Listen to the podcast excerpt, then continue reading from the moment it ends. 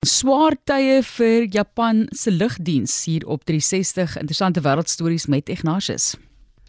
Vliegtye wen daagliks die stryd teen swaartekrag. Maar nou en dan moet die skaalma nader getrek word om seker te maak daardie stryd is nie te swaar nie. So byvoorbeeld, as die Springbok span op 'n vlug is, dan weet jy daar's 'n paar groot menere. Eben en RG het hulle beenspasie nodig ook sit 'n sitplek vol en nog 'n bietjie. Die rugby wêreldbeker is egter nie die keer in Japan nie.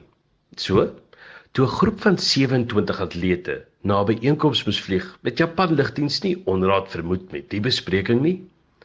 Atlete is mos atleties gebou. Maar die groepie of eerder groep is atleties gebou vir sumo stoei. Japan Lugdiens het besef hulle vliegtye loop die risiko om oorlaai te wees met die sumo stoeiers aan boord op pad na 'n sportfees op 'n eiland. Die gemiddelde gewig van 'n passasier is 70 kg. Maar somme loop skeef as jy in ag neem dat drie hoërskoolatlete wat langs mekaar gesit het, onderskeidelik 110, 130 en 140 kg geweg het. En een van hulle was op die middelste sitplek.